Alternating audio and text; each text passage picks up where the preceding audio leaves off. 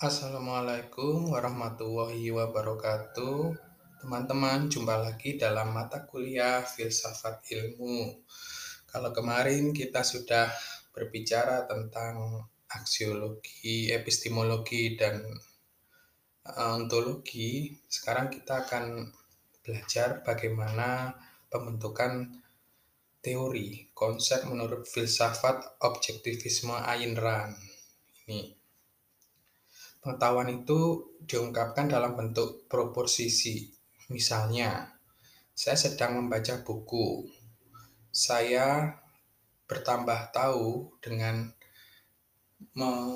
mengetahui bahwa 2 ditambah 2 itu sama dengan 4. Sebelum orang mengerti proposisi, pertama-tama dia harus memiliki sebuah konsep. Orang yang dapat mengetahui apa yang dimaksudkan dengan kalimat es itu mencair sebelum dia mengenal konsep es mencair. Mengetahui sesuatu mengimplikasikan bahwa seseorang paling tidak pernah mengerti makna kata yang diungkapkan. Namun, untuk mengetahui makna itu, seseorang itu harus memiliki konsep. Ini menurut Hospers. Salah satu persoalan fundamental yang menjadi pokok kajian epistemologi adalah berkaitan dengan bagaimana pengetahuan itu dapat terbentuk. Proses terjadinya pengetahuan sejauh ini telah banyak dibahas oleh para filsuf. Secara tradisional, ada dua aliran besar pemikiran yang pendapatnya berbeda, bahkan sangat antagonis. Yaitu seperti kita lihat bahwa kemarin empirisme itu sangat menekankan peran pengalaman dan indera sebagai wahana yang utama bagi terbentuknya pengetahuan. Di pihak lain, rasionalisme hanya memberi tempat kepada rasio sebagai sarana terbentuknya ide atau sebuah konsep. Di samping kedua aliran, pemikiran tersebut dapat aliran sejalan tengah yang berupaya mendamaikan empirisme dan rasionalisme, yaitu kritisisme Kantian itu berpendapat bahwa konsep itu terjadi bukan karena empiri atau rasio terlebih dahulu, melainkan keduanya ikut berperan. Nah, ini merupakan jalan tengah. Itu dari Kantian ya, kritisisme Kantian. Karena dalam kenyataannya manusia itu mampu memiliki pengetahuan, baik bersifat analitik maupun sintetik, baik yang prestori maupun a priori. Sebenarnya di samping empirisme, rasionalisme, dan kritisisme terhadap aliran filsafat lain yang secara khusus membahas bagaimana pengetahuan yang berupa konsep itu terjadi. Aliran filsafat ini pernah populer di Amerika pada dekade 60-an dan 70-an. Kendati gaungnya kurang begitu terasa di Indonesia, bahkan cenderung tidak banyak dikenal, baik oleh kalangan pemerhati filsafat maupun oleh orang awam.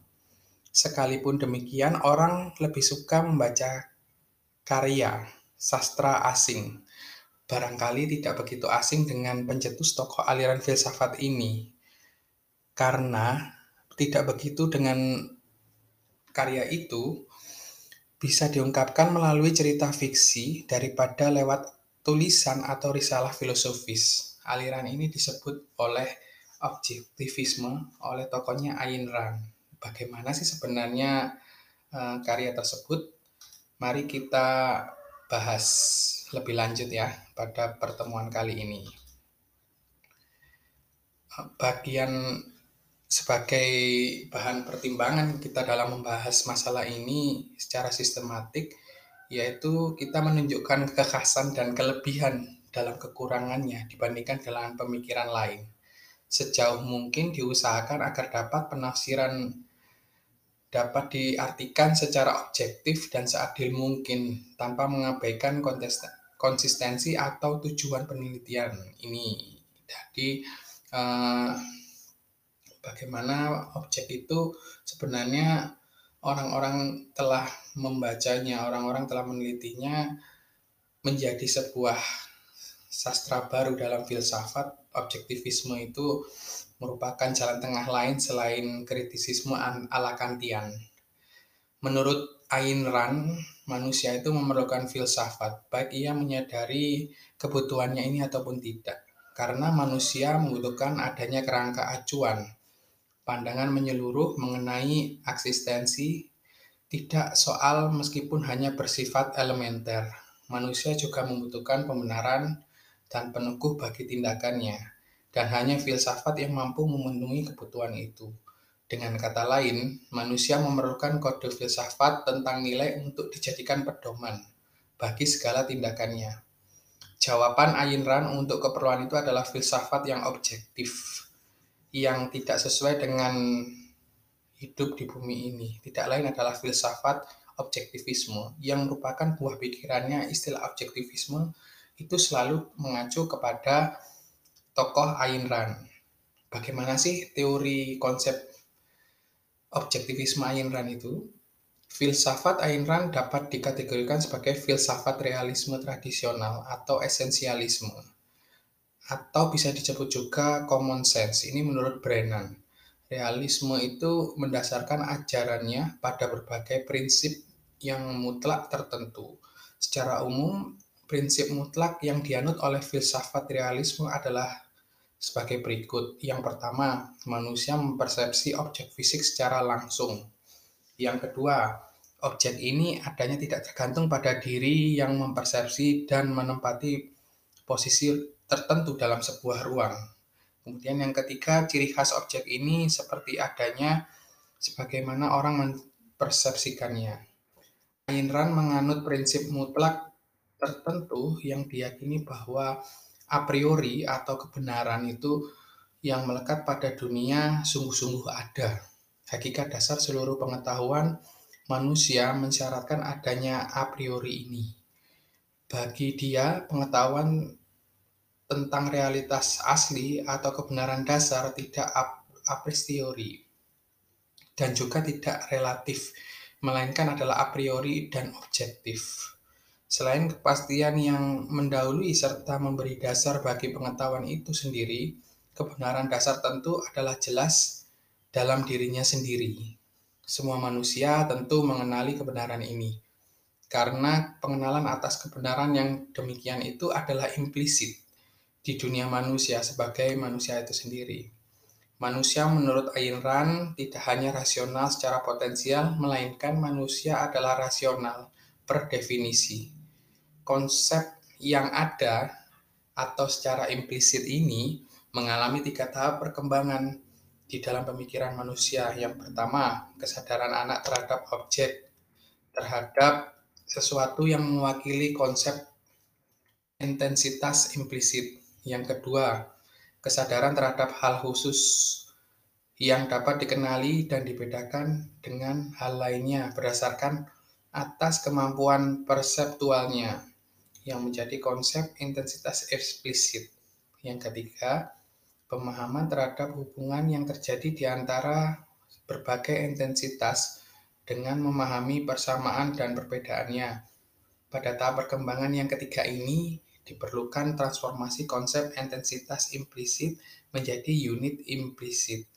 Kemudian teori konsep objektivisme semua menurut konsep kecuali konsep yang aksiomatik ya. Ini kalau menurut uh, ahli seperti itu.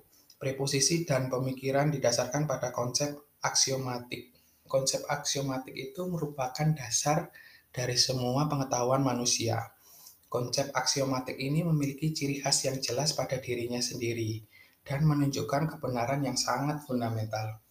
Konsep aksiomatik merupakan identifikasi fakta primer yang sangat realitas, tidak dapat dianalisis dalam arti yang direduksi menjadi fakta lain ataupun dapat dipecah menjadi banyak bagian. Konsep aksiomatik implisit itu adanya dalam sebuah fakta yang peng, yang dalam pengetahuan itu dipersepsi secara langsung dan tidak memerlukan adanya pembuktian maupun penjelasan, melainkan mendasari semua bukti dan penjelasan. Ini menurut Ayn Rand itu manusia memiliki tiga konsep aksiomatik yaitu yang pertama eksistensi, yang kedua identitas, dan ketiga kesadaran. Orang yang dapat mempelajari apa yang bagaimana kesadaran itu berfungsi, namun orang tidak dapat membuktikan eksistensi seperti apa adanya. Eksistensi, identitas, dan kesadaran memerlukan identifikasi konseptual. Ketiga-tiganya dipersepsi atau dialami secara langsung, namun dipahami secara konseptual, implisit di dalam keadaan sadar dari penginderaan pertama hingga konsep pertama sampai kepada keseluruhan konsep itu untuk mendefinisikan merupakan kebutuhan dari epistemologis itu sendiri. Kebutuhan ini dapat dipenuhi hanya pada tahap perkembangan konseptual yang telah maju. Bila ada pengetahuan yang diperoleh telah memadai, pemahaman sadar sepenuhnya dapat dicapai hanya melalui proses abstraksi saja. Jadi kalau pada contohnya teman-teman bisa uh, mempreposisikan atau menyimpulkan sesuatu ini uh, bahwa teman-teman sudah dalam tahap pemahaman sadar yang dalam proses abstraksi. Kemudian eksistensi dan identitas bukan merupakan atribut dari sebuah pernyataan yang ada, melainkan merupakan yang ada itu sendiri. Sedangkan keadaan sadar itu merupakan atribut dari keadaan sadar tertentu, melainkan merupakan keadaan sadar esti, keadaan sadar itu sendiri. Secara epistemologis, pembentukan konsep aksiomatik merupakan aktivasi dari abstraksi, sedangkan secara metafisis merupakan aktivitas pengintegrasian. Sebagai aktivitas abstraksi dalam artian bahwa konsep aksiomatik yang tadi kita sampaikan itu merupakan hasil pemusatan selektif kepada isolasi mental terhadap dasar metafisis sebagai aktivitas pengintegrasian karena sebuah konsep aksiomatik itu menyatukan dan mencakup seluruh pengalaman. Kesadaran konseptual adalah satu-satunya kesadaran yang mampu mengintegrasikan masa lampau, kini, dan yang akan datang. Sensasi hanya merupakan kesadaran masa kini dan tidak memproyeksikan nanti itu yang akan di masa depan. Dengan konsep aksiomatik, manusia memahami dan menguasai kontinuitas waktu dengan membawanya masuk ke dalam kesadaran pengetahuan. Nah, itu adalah perbedaan antara eksistensi dengan kesadaran, antara subjek dan objek ya tentunya. Dan lebih dari itu, konsep aksiomatik merupakan dasar dari objektivitas. Jadi, objektivitas ini dapat disimpulkan bahwa Eh, mempunyai dasar yaitu konsep aksiomatik. Konsep aksiomatik itu menunjukkan pengintegrasian semua yang ada, tidak memiliki sebutan persamaan umum konseptual. Ini eksistensi, identitas, dan kesadaran sama sekali tidak pernah memiliki kebalikan, kecuali hanya sebuah kekosongan. Misalnya, non-eksistensi seperti apa yang hanya merupakan kekosongan, bukan merupakan sesuatu kekosongan total. Kemudian peranan definisi dalam pembentukan konsep Ayu Ayn Rand itu berpendapat bahwa setiap konsep kecuali yang mengacu pada sensasi dan yang bersifat aksiomatik itu dapat dijelaskan dan dikomunikasikan tentunya. Sekalipun demikian, ia tidak dapat berpendapat bahwa memiliki konsep X berarti dia harus memberi konsep definisi X. Dalam sebuah teori konsep Ayn Rand, tujuan definisi adalah untuk membedakan sebuah konsep dengan konsep yang lainnya, sehingga perbedaan unit yang dimiliki oleh sebuah konsep dengan adanya konsep lain yang dapat dijaga kebenarannya. Definisi merupakan pernyataan yang mengidentifikasi hakikat unit yang tergolong dalam sebuah konsep, itu definisi tidak senantiasa menyatakan makna kata, karena kata tidak lebih dari sekedar simbol audiovisual yang dipakai untuk menggambarkan sebuah konsep.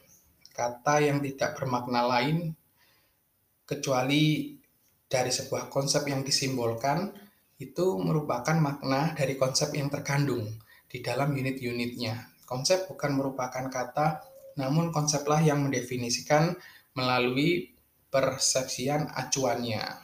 Kemudian contoh definisinya itu seperti apa?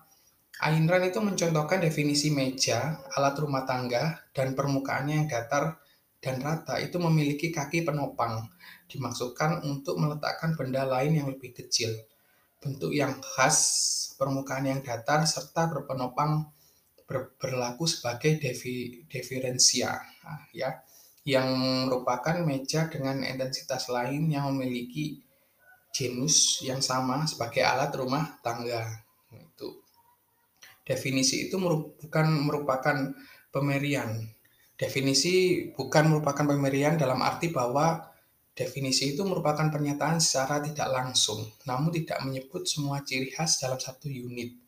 Karena jika dalam definisi mencantumkan semua ciri khas, tentu tidak akan cukup menjelaskan seluruh konsep yang akan didefinisikan.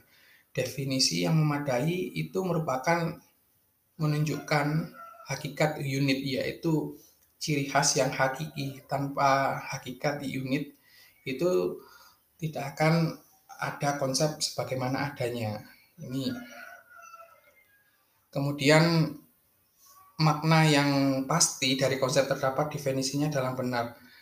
Itu makna pasti dari konsep yang digunakan terdapat di dalamnya definisi itu yang sangat benar. Untuk mengetahuinya, orang harus dapat melacak kembali langkah atau prosedur logis yang diperlukan untuk membentuk konsep tersebut, serta harus dapat ditunjukkan pula hubungannya dengan realitas perseptual. Seandainya terjadi keraguan terhadap makna definisi konsep tersebut, metode klarifikasi adalah jalan yang terbaik dengan mencari acuan, yaitu bertanya kepada diri sendiri, fakta realitas apa yang muncul pada konsep ini dan apa yang membedakannya dengan konsep yang lain.